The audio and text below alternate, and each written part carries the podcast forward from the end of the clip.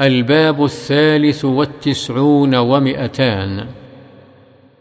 باب النهي عن التشبه بالشيطان والكفار. وعن جابر رضي الله عنه قال قال رسول الله صلى الله عليه وسلم لا تأكلوا بالشمال فإن الشيطان يأكل ويشرب بشماله. وعن ابن عمر رضي الله عنهما أن رسول الله صلى الله عليه وسلم قال لا يأكلن أحدكم بشماله ولا يشربن بها فإن الشيطان يأكل بشماله ويشرب بها. رواه مسلم.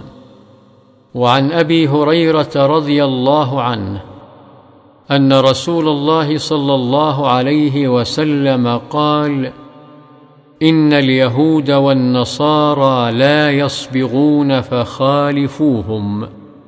متفق عليه. المراد خضاب شعر اللحية والرأس الأبيض بصفرة أو حمرة. وأما السواد فمنهي عنه كما سنذكر في الباب بعده. إن شاء الله تعالى.